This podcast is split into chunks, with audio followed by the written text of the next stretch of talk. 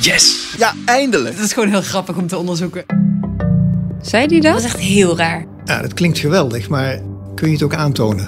Dit is Speurwerk. Wij brengen je de hoogtepunten van Investico's nieuwste publicaties en laten zien hoe journalisten te werk gaan. Ik ben Simone Peek. En ik ben Sylvana van den Braak. Deze aflevering gaat over. Wat gaat er structureel mis in de aanpak van ondermijning? Je ziet dat, dat Grapperhaus eigenlijk op een opportunistische manier georganiseerde misdaad politiek maakt. Dus de aanpak van ondermijning een soort politiek spel is geworden waarbij het vooral gaat om het tonen van daadkracht. En het gaat niet zozeer om de kwaliteit van de oplossing, dat zegt hij letterlijk. Welkom bij weer een nieuwe aflevering van Speurwerk. Deze week is het precies drie jaar geleden dat advocaat Dirk Wiersum werd doodgeschoten in Amsterdam. Vlak na die moord kondigde toenmalig minister Grapperhaus het multidisciplinair interventieteam aan, het MIT. En dat team zou de zwaarste criminele netwerken gaan aanpakken. Uit een WOP-verzoek ontving Investico samen met de Groene Amsterdammer, Argos en Follow the Money ruim 1500 pagina's aan interne e-mails, appjes en documenten rondom de totstandkoming van het MIT en ontdekte dat er vanaf het begin af aan al veel kritiek op het nieuwe team was. In deze podcast vertellen redacteuren Romy van der Burg en Marieke Rotman samen met Racit Elibo van de Groene Amsterdammer over politiek opportunisme en stroperige overlegtafels. Niet eerder werd er zoveel geld uitgetrokken voor de strijd tegen ondermijning. Maar wat is er sindsdien van die plannen van het ministerie van Justitie en Veiligheid terechtgekomen? Romy van der Burg. Er wordt heel veel miljoenen steeds uitgetrokken door de overheid voor ondermijnende criminaliteit. Heel breed gezegd betekent het dat de invloed van crimineel verdiend geld bijvoorbeeld in de bovenwereld terechtkomt. Dus stel je hebt met een zak drugsgeld een pand gekocht, dan is dat geld witgewassen. Dat is ondermijning. De invloed van criminaliteit in de bovenwereld. Dat bereikte precies drie jaar geleden een dieptepunt. 18 september 2019 werd Dirk Wiersum door een moordploeg opgewacht, s ochtends vroeg. En is hij neergeschoten of geliquideerd. Hij was de advocaat van Nabil B., de kroongetuige, in het Marengo-proces. Dat was eigenlijk de tweede moord die plaatsvond binnen het Marengo-proces tegen Ridouan Taghi. En de eerste was natuurlijk de broer van de kroongetuige. Nou ja, later is natuurlijk ook nog Peter de Vries, die de vertrouwenspersoon was van de kroongetuige, is ook nog vermoord. Een advocaat vermoord, dat is nog nooit gebeurd in Nederland. Dus heb je iemand met een publieke functie die neergeschoten wordt, is denk ik wel een moment geweest waarop heel veel mensen dachten: oké, maar nu gaat het wel echt een stap verder. Tijd voor toenmalig minister van Justitie en Veiligheid, Vert Grapperhaus, om actie te ondernemen. Vandaag is een afschuwelijke moord geweest in Amsterdam op advocaat Dirk Wiersum. Hij laat een vrouw en twee kinderen na en mijn gedachten zijn bij hen. En bij de familie en collega's. Dit is een aanslag op onze rechtsstaat. De mensen die daarin werken, die zorgen voor uw en mijn democratische rechtsorde. En dat is een grens die de georganiseerde misdaad is overgegaan. Want die veiligheid van die mensen moet altijd buiten kijf staan. En ik zal, heb vandaag al ingesteld een specialistisch team van het Openbaar Ministerie en Politie. En die gaan onder leiding van de Nationaal Coördinator Terrorismebestrijding en Veiligheid aan de slag voor de verdere intensivering van die beveiliging. En ik zeg u daarbij ook dat ik daarover in gesprek ga met de rechtspraak, met de advocatuur en het Openbaar Ministerie. Want dit mag niet in ons land gebeuren. Het zegt heel duidelijk dat de georganiseerde criminaliteit in ons land weer een grens van absolute nietsontziendheid is overgegaan. En ik ben daar boos over inderdaad. En ik denk dat we dat echt als samenleving, ik voorop, heel erg hard moeten blijven aanpakken. Zijn antwoord op de moord op advocaat Wiersum is een specialistisch team, vertelt hij in dit item aan RTL Nieuws.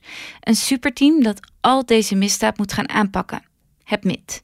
Het MIT staat voor het Multidisciplinair Interventieteam. En dat was eigenlijk het idee van we moeten een speciaal team oprichten, een speciale drugsunit, die zich eigenlijk op deze georganiseerde misdaad moet gaan richten en helemaal speciaal zich daarop kan focussen. Grootse woorden over een team waarin allerlei verschillende instanties, zoals de politie en het OM, gaan samenwerken om ondermijning aan te pakken. Maar dat superteam is na jarenlang overleggen nooit echt aan de slag gegaan. Wat is daar gebeurd?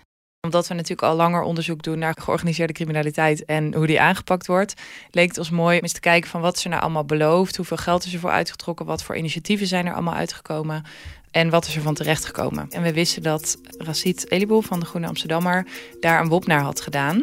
Dus toen besloten we samen te werken. Ik ben Racit Eliboel, ik ben redacteur bij de Groene Amsterdammer. Ik uh, schrijf bij de Groene met enige regelmaat over ondermijning.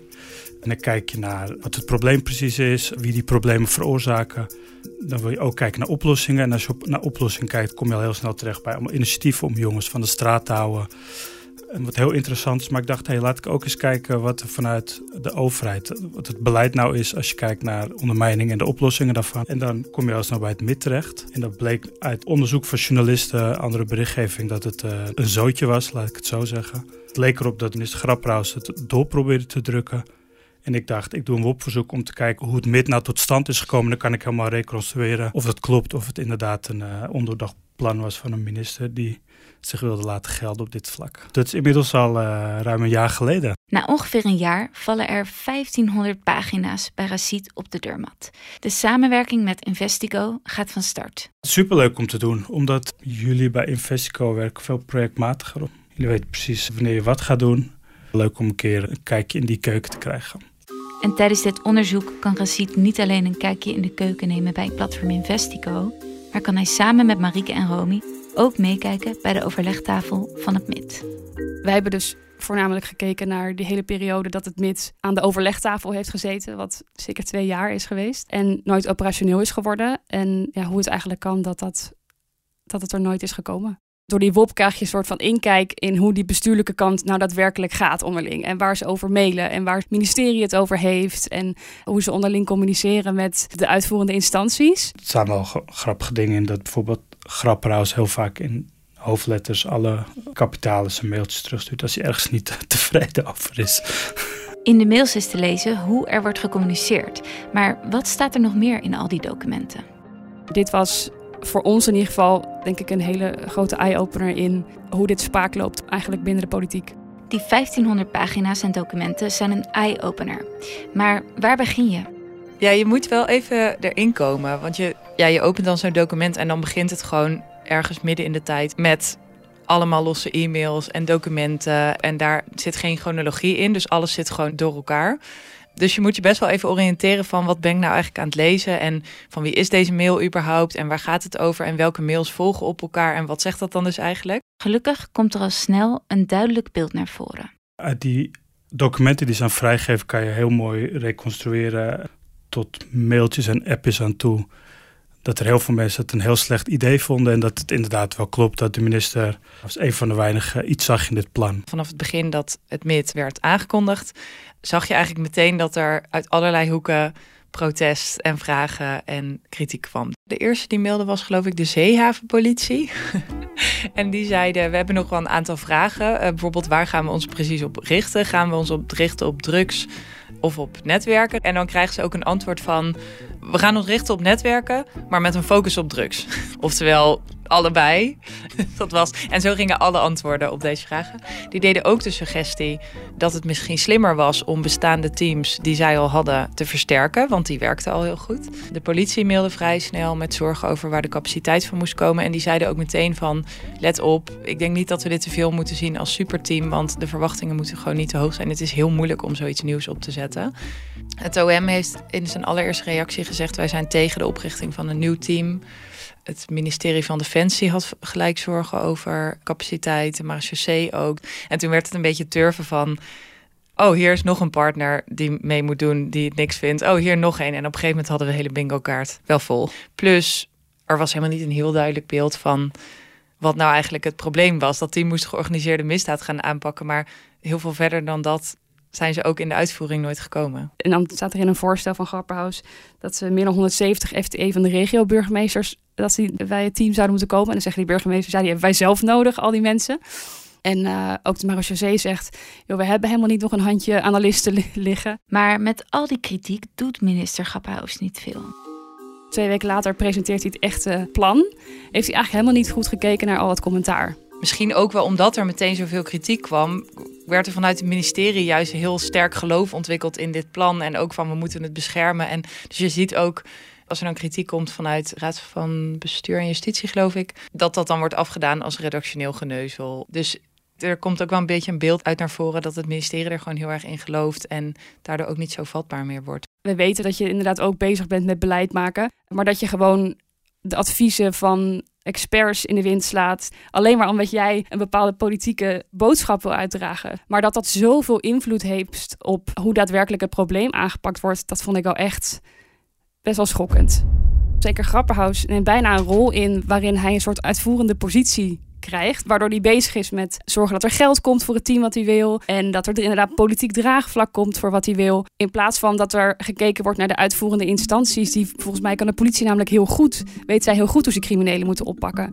En zou je veel meer een samenwerking moeten opzetten vanuit de instanties. In plaats van dat je een minister hebt met een toch beperkte kennis die het voortouw neemt. Maar je zou eigenlijk denk ik willen dat bijvoorbeeld de politie kan zeggen tegen de minister van nou, we hebben hier en hier tekort en we denken dat we dit zo moeten aanpakken. En dat de minister dat dan vervolgens een draagvlak gaat vinden voor de uitvoerende instanties. En nu lijkt het eigenlijk tegenovergesteld te gaan. Dat een soort van persoonlijke politiek opportunisme, zou je het eigenlijk wel kunnen noemen, dat dat groter is dan wat er uiteindelijk moet gebeuren. Ja, dat is denk ik niet, niet wenselijk. Als je het zo gedetailleerd leest, dan komt er wel echt zo'n Haagse werkelijkheid naar voren waarin politiek belangrijker lijkt dan het oplossen van de echte problemen. Het is ook best cynisch als je ziet dat op de dag dat Dirk Wiersum is doodschoten, dat er allemaal mailtjes heen en weer gaan, dat het meteen politiek gemaakt wordt. Dat zie je heel goed terug in die WOP. Dat ze vooral het probleem benadrukken. Daar gaat alle tijd en alle effort in zitten, maar dat ze helemaal nog niet echt goed nadenken over wat ze nou gaan doen. Ze hebben dan dus op een gegeven moment een stuurgroep aangesteld. En die zijn eigenlijk verantwoordelijk voor leden zoeken voor het MIT. En die stuurgroep moet ook een beetje nadenken over wat gaan we nou eigenlijk doen. Het gaat gewoon de hele tijd over... We hebben weer een nieuwe versie van het plan de campagne. Hoe het opgebouwd gaat worden. Hoeveel FTE er elk jaar bij komen. Wat de missie en visie zijn. Maar dat blijft allemaal eigenlijk heel erg algemeen en niet zo specifiek. En op een gegeven moment is die stuurgroep dus al een hele tijd aan het werk en kost het al 4 miljoen per jaar. Zonder dat ze nog iets gedaan hebben. Dus dan zeggen ze zelf ook van ja jongens, we moeten wel misschien een keer wat gaan doen, want het kost al wel heel veel geld. Op een gegeven moment is het Prinsjesdag en dan houdt de koning de troonrede. En die stipt dan ook even aan van dat er echt een groot probleem met georganiseerde criminaliteit is in Nederland. En zegt hij maar gelukkig hebben we daar extra geld voor beschikbaar gesteld. Onder andere voor een nieuw team dat de georganiseerde criminaliteit moet gaan aanpakken. En dan wordt er s'avonds in de appgroep van die stuurgroep wordt gestuurd van... Nou, uh, ook zo'n beetje beschaamd of zo. Van, het voelt wel een beetje als Nobelprijs voor Obama voordat hij überhaupt aan zijn presidentschap is begonnen. Maar we zijn toch maar mooi genoemd in de troonrede. Dus dan is het zo van, ja, we hebben nog steeds niks gedaan. Maar we worden al wel op het schild gehezen als de oplossing. Op een gegeven moment hebben we ook gesproken met de voorzitter van een van de politievakbonden. En hij zei van, op een gegeven moment waren er dus ook mensen ja, die werkten bij het MIT, maar ze deden nog steeds niks, of in ieder geval niet veel. Dus die gingen dan gewoon weer terug naar hun oude werkplek en daar ondertussen maar een beetje werk doen, zodat ze maar iets te doen hadden. Medewerkers gaan weer op hun oude post werken, zodat ze maar iets te doen hebben. Ondertussen kost het MIT bakken met geld. Je ziet in de WOP-stukken dat ze ongeveer uitgaan van 160 miljoen. Dat naar het MIT ging en naar de partners die daaraan mee moesten werken. En het MIT is niet het enige initiatief om ondermijning tegen te gaan waar veel geld naartoe gaat. In 2017 heeft het kabinet een ondermijningsfonds opgericht van 100 miljoen. En daaruit zijn eigenlijk heel veel nieuwe initiatieven en samenwerkingsverbanden ontstaan. En sommige zijn wel succesvol, maar heel veel zijn ook een beetje uit de grond gestampt. En daar zie je eigenlijk steeds dat ze allemaal ongeveer dezelfde beschrijving hebben, want ze moeten allemaal ondermijning aanpakken. Maar iedere keer moeten er dezelfde instanties aan tafel komen zitten voor weer een nieuw project. Die allemaal nog steeds met hetzelfde probleem zitten, namelijk ze hebben er de mensen helemaal niet voor. Maar hoeveel projecten zijn er dan opgezet tegen ondermijning? De Universiteit Maastricht die heeft in 2019 onderzoek hiernaar gedaan. En die kwamen op 126 initiatieven. Dat varieerde van samenwerkingsverbanden of taskforces. Nou ja, heel veel dingen die heel erg op elkaar leken. Maar ook bijvoorbeeld een VR-experience een bril waarbij mensen in een tuin stonden van iemand of in een ruimte waar ze dan ondermijning moesten gaan opsporen. Wat je dan bijvoorbeeld kon zien aan dat er een soort drugslab in de achtertuin was opgetuigd. Of dat er ergens een wietplant in een container lag. Ja, heel knullig ziet het er allemaal uit. En je hoopt dat de politie dat niet nodig heeft om te weten dat er iets illegaals gebeurt. Maar goed, dat soort dingen werden ook opgetuigd. En wij zijn daarna nog gaan kijken van wat is er daarna nog meer opgericht. En toen kwamen we nog op minstens 34 erbij. Maar ongetwijfeld zijn er nog veel meer. Het is natuurlijk eigenlijk echt ongelooflijk. Zeker als je gewoon iedere keer de omschrijving is het bestrijden van georganiseerde criminaliteit. Het is allemaal zo vaag verwoord. En dat zie je natuurlijk ook bij het MIT. Er wordt, nooit, er wordt gewoon nooit duidelijk wat het nou daadwerkelijk gaat doen en wat voor problemen het moet oplossen. Het ding met elke keer nieuwe initiatieven opzetten is dat je elke keer dat het oprichtingsproces heen moet. Je moet elke keer na gaan denken over wat gaan we eigenlijk precies doen. Wat is onze missie? Wat is onze visie? Mensen moeten inwerken, moeten heel veel vergaderen over wat precies het doel wordt. Ja, dat kost allemaal tijd en geld. En als je dat investeert in initiatieven die al bestaan, worden eigenlijk altijd organisatorische oplossingen gemaakt voor inhoudelijke problemen. Bestuurlijk gezien heeft het een enorme vlucht genomen, omdat het fijn is, want het geeft woorden aan iets waar bestuursmensen ook al langer tegenaan lopen. En wat heel moeilijk te omschrijven is. Maar operationeel verlamt het totaal, want niemand heeft eigenlijk een idee wat, ze, wat het is of wat ze ermee moeten doen. Ja, als je gewoon zegt, we gaan de georganiseerde criminaliteit oppakken en netwerken verstoren, ja, begin er maar eens aan. Wat is er van al die projecten terechtgekomen? Ik ben echt uh, heel veel op en neer gemaild met de woordvoerder van het ministerie van Justitie en Veiligheid. Om te vragen van, joh, heb je nou gewoon een lijst van de hele kabinetsperiode van Grapperhaus. Waarin we de initiatieven die gefinancierd zijn vanuit ondermijningsfondsen of projecten die zijn opgesteld, heb je daar gewoon een lijst van van wat daaruit is gekomen. En met heel veel omwegen en kwam er eigenlijk uit dat ze dat niet hebben. En ook niet bijhouden. Maar is er dan wel iets veranderd sinds de moord op Dirk Wiersum? Experts zeggen wel dat deze moord een wake-up call is geweest. Heel veel mensen beseften zich daardoor van... oh ja, de georganiseerde misdaad is echt in een vergevorderd stadium. We moeten er echt wat aan gaan doen. Um, maar wat is er veranderd? Het wordt dus ook niet bijgehouden, maar ook niet echt duidelijk wat het nou onder de streep heeft opgeleverd. Al die initiatieven en al die plannen kan je zeggen dat, er, dat het nu beter gaat met de opsporing van georganiseerde misdaad? Is het minder erg? Denk ik, denk niet dat je dat kan zeggen. En dat is denk ik het hele probleem. We kunnen het niet duiden omdat het gewoon onduidelijk is waar het geld heen is gegaan, wat de plannen zijn geweest en hoe de uitvoering daarvan tot stand is gekomen. Romy en Marieke leggen het voor aan de Nederlandse Vereniging voor Strafrechtadvocaten. Hun conclusie was eigenlijk het zou zo weer kunnen gebeuren. Er is wel meer bewustwording gekomen, maar de beveiliging van advocaten gewoon nog steeds niet op orde is. En dat hij dat nu drie jaar later moet zeggen, is natuurlijk wel echt erg. Drie jaar na de aankondiging trekt de nieuwe minister het stopcontact uit het MIT. Zij was altijd al kritisch op wat het MIT deed. Nou ja, wat het niet deed eigenlijk. En toen heeft ze vrij snel geconcludeerd van ja, er is gewoon te weinig bereikt. Ik zet hier een streep onder. Maar ik laat het overgaan in een nieuw team. En die krijgen dan 18 maanden de tijd om zichzelf te bewijzen eigenlijk. Dus nu is er de Nationale Samenwerking tegen Ondermijnende Criminaliteit, het NSOC. Je hebt mensen die zeggen, ja, die 18 maanden van de minister, dat is gewoon een stille dood eigenlijk. dat ze het niet kon maken om er meteen een uh, punt achter te zetten. Heeft ze deze vorm gekozen en na 18 maanden wordt gewoon gezegd, ja, dit levert te weinig op. Het is voor mij heel erg veelzeggend dat normaal bij dit soort enorme projecten laat je een soort nulmeting doen of ga je kijken van oké, wat is nou precies het probleem. Maar dat is in dit geval gewoon helemaal niet gebeurd. Alle mensen die er verstand van hebben, hebben echt vanaf minuut één gezegd, dit lijkt me gewoon niet echt een heel goed plan. Ja, dan zie je dat het toch wordt doorgedrukt met alle gevolgen van dien. Want nu is het team nooit operationeel geweest. Heeft het 160 miljoen gekost. En gaan ze nu weer opnieuw aan de slag om weer een nieuw team op te richten of een nieuw initiatief te ontplooien. Er staat een heel schril contrast ook met hoeveel succes er zijn geboekt rond de PGP-telefoons van de politie. Het kraken van die PGP-codes, dat heeft er dus uiteindelijk in geresulteerd dat Tachi opgepakt werd.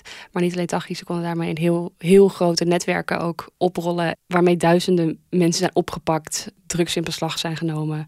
Gewoon echt successen zijn geboekt. En denk je, je zit daar al jaren te vergaderen. Maar MIT heeft gewoon geen crimineel netwerk in kaart gebracht in die hele tijd. En dan vraag je af hoe het kan dat dat niet van tevoren voorzien was. Hoe kijkt minister Vert Grapperhaus terug op deze periode? Iedereen had eigenlijk zijn lijntjes uitgezet om de oud-minister Vert Grapperhaus te contacteren.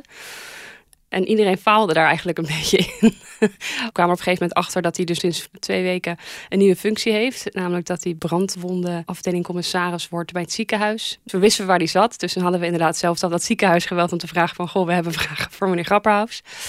En die zei dan tegen ons, ja, hij is op vakantie.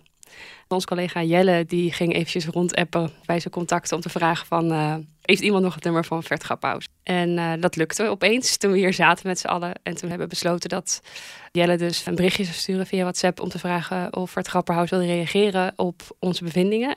Want inmiddels hadden wij natuurlijk ons stuk af. En als we teruglazen, dan denk je, ja, dit hele stuk gaat voor een groot gedeelte over deze minister. En toen reageerde hij eigenlijk vrij vlot. En toen zei hij, ik ben op vakantie inderdaad tot uh, eind september. En uh, ik wil dan wel met jullie praten, maar tot die tijd reageer ik niet. We hebben zijn reactie helaas niet. Vind ik altijd wel jammer, want ik had eigenlijk best wel willen weten hoe die hier naar terugkijkt. Gelukkig konden Romy, Racit en Marike wel bij het MIT terecht met hun vragen. Een paar dagen voor publicatie mochten we langskomen. En dat hadden we eigenlijk niet meer verwacht. Dus dat was wel heel leuk. Want ja, je maakt een heel stuk over een team en hoe het eraan toe gaat. Wel op basis natuurlijk van interne documenten, maar het is wel het allermooist als je ze dan ook zelf kan spreken. Dus we gingen samen met Racit naar Gorkum, want daar zitten ze. Toen hebben we eigenlijk gesproken met een aantal mensen die bij het MIT betrokken zijn geweest, maar ook nu overgaan naar het ENSOC. En ik had wel het idee dat ze wel echt aan het praten als brugman waren. Dat het echt wel iets is wat een kans verdient en wat goede dingen heeft gedaan. En ik vond het eigenlijk wel heel interessant dat ze zich in geen enkele kritiek herkenden. Ze herkenden wel bepaalde delen van.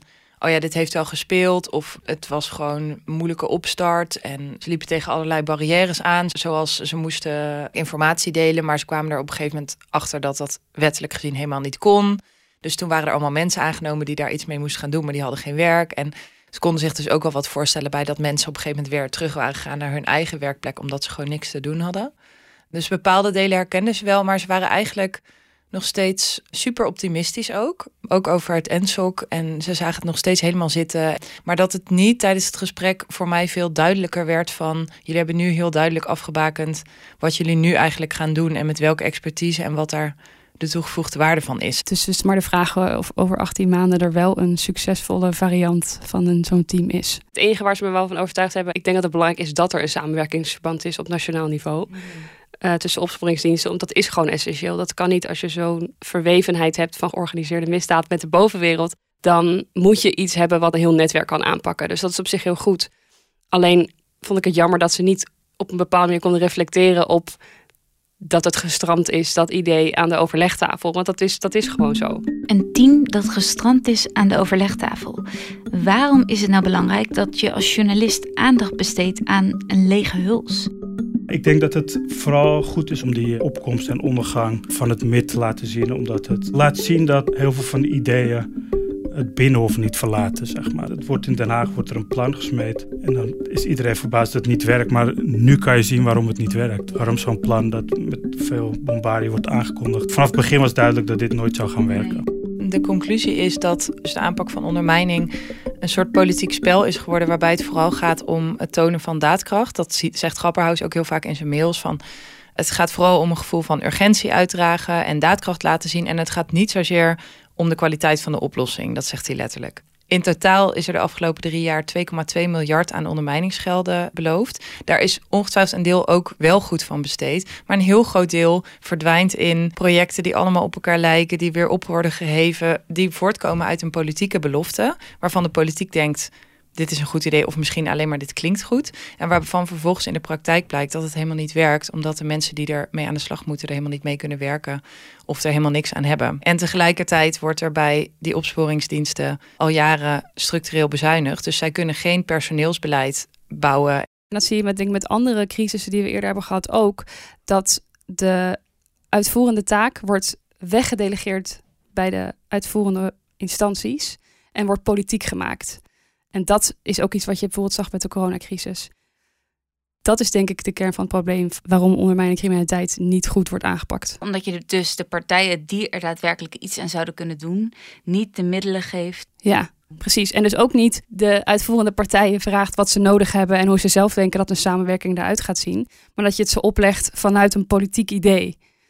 Dat werkt gewoon niet. Niet te min omdat het heel moeilijk is om sowieso uitvoerende instanties samen te laten werken. Maar ook omdat zij echt wel beter weten hoe ze het moeten doen dan een minister. Dit was Speurwerk. Je hoorde Romy van den Burg, Marieke Rotman en Racit Elibo. Uit documenten die Platform Investico in handen kreeg via de WOP... blijkt dat minister Grappenhaus het MIT koste wat kost wilde optuigen... ondanks kritiek van opsporingsdiensten die mee moesten werken in het team. Er was niet genoeg capaciteit en nog een samenwerkingsverband zou de aanpak van ondermijnende criminaliteit juist nog meer vertragen. Drie jaar na aankondiging van het MIT trekt Dilan Yazilgoes, de nieuwe minister van Justitie en Veiligheid, de stekker uit het MIT. Ondanks dat het team nooit operationeel is geweest, heeft het zo'n 160 miljoen euro gekost. Het MIT is niet het enige team dat is opgericht om ondermijning tegen te gaan. Onderzoekers van het WODC telden in 2019 maar liefst 126 initiatieven.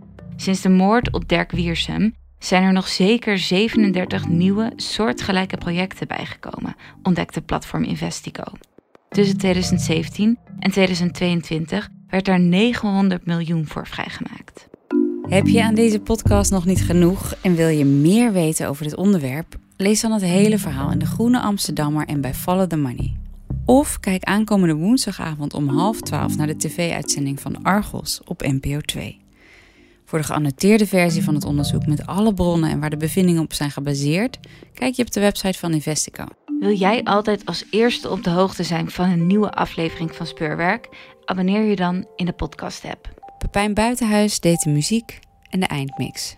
Dankjewel voor het luisteren en tot de volgende keer.